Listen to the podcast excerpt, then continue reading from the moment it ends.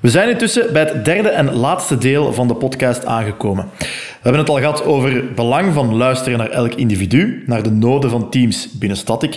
Maar wat met de stem van de organisatie? Kan die ook gehoord worden? En zo ja, hoe?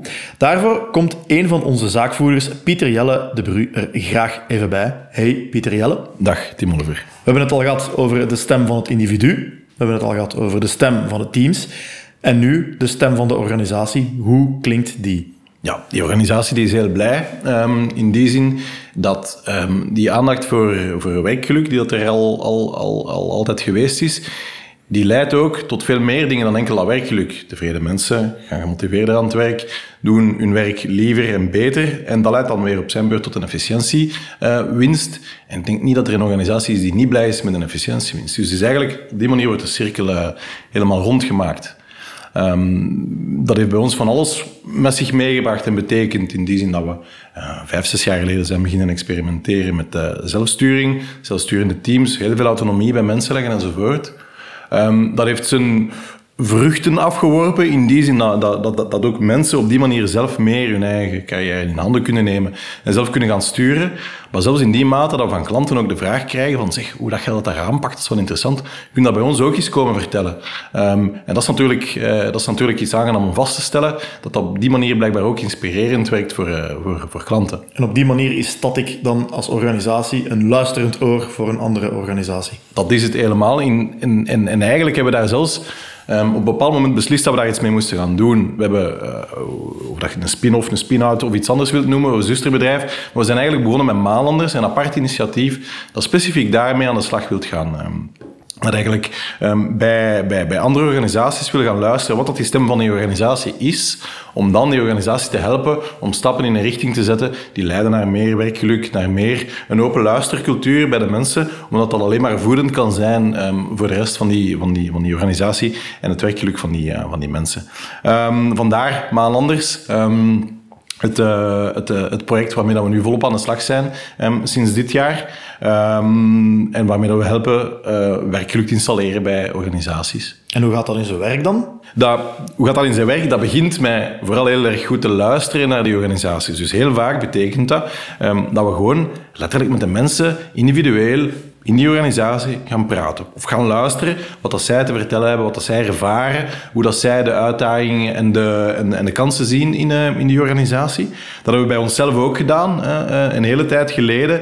Um, dat is een beetje de inspiratiebron daarvoor ook gebleken. Um, en dat is voor ons zo waardevol gebleken um, dat, we, dat we niet anders konden dan dat als vertrekpunt ook zien bij, bij projecten die we voor klanten gaan, gaan doen. En ook daar leidt dat consequent tot inzichten die soms verwacht en aangevoeld waren, maar soms ook helemaal niet.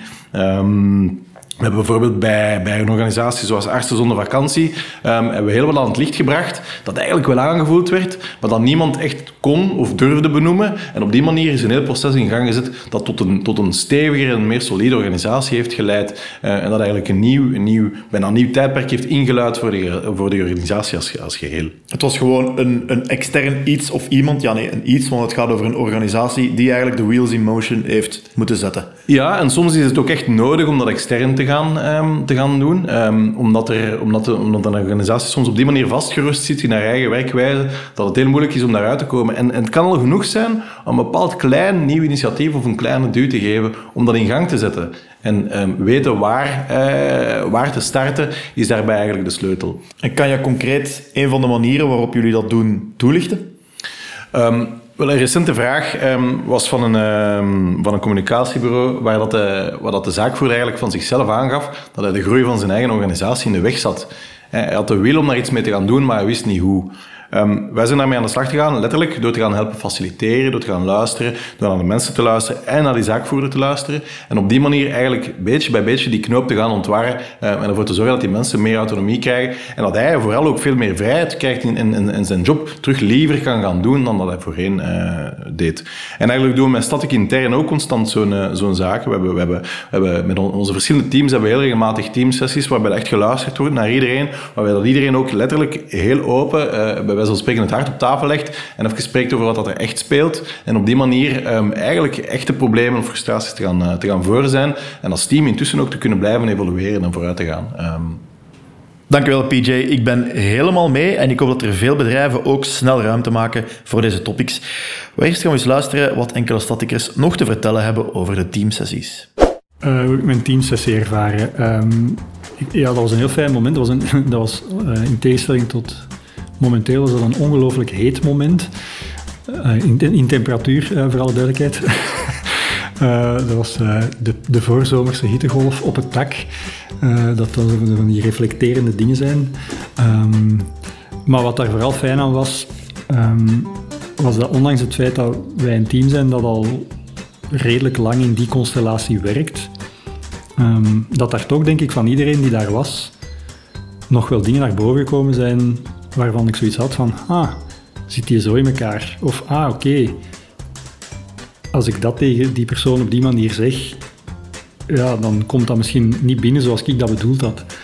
Um, ja, en ik denk dat we dat vooral moeten blijven doen, omdat, omdat, dan, uh, omdat we op die manier de cohesie tussen de collega's en de, en de, manier van samenwerking uh, ja, kunnen bewaren en, uh, en, en, en goed houden. Ik denk dat dat tot nu toe een van mijn favoriete dagen was bij Static. Omdat ik toen mijn team heb, echt heb leren kennen eigenlijk. Want tot voordien, dat was denk ik een maand of twee nadat ik begonnen was. En dat was volop coronatijd, dus fulltime thuiswerken. Dus ik vond dat heel waardevol om gewoon even met iedereen samen te komen. Want we waren met drie starters en dan één iemand dat hier al werkte. Dus dat was gewoon nieuw voor iedereen om gewoon de mensen ook al een beetje te kunnen peilen van ah, met die kan ik goed lachen of die heeft dezelfde soort humor als mij tot van oké, zo ziet hij eruit in het echt. Uh, en we hebben heel waardevolle dingen kunnen bespreken, zowel op werkvlak als persoonlijk vlak. En ik denk dat dat echt wel geholpen heeft om een soort van teamspirit te ontwikkelen in ons team. Ook al waren we al een team en je ziet elkaar dan wel iedere dag in je, in uw ochtendsessies van een kwartiertje dat eigenlijk maar vijf minuten duren. Dus nu was het fijn om echt eens ik denk dat wij vijf uur lang in die teamsessie hebben gezeten. Dat we echt helemaal over de tijd zijn gegaan. Dat was echt heel leuk. Ik vond het echt een van de plezantste dagen tot nu toe eigenlijk.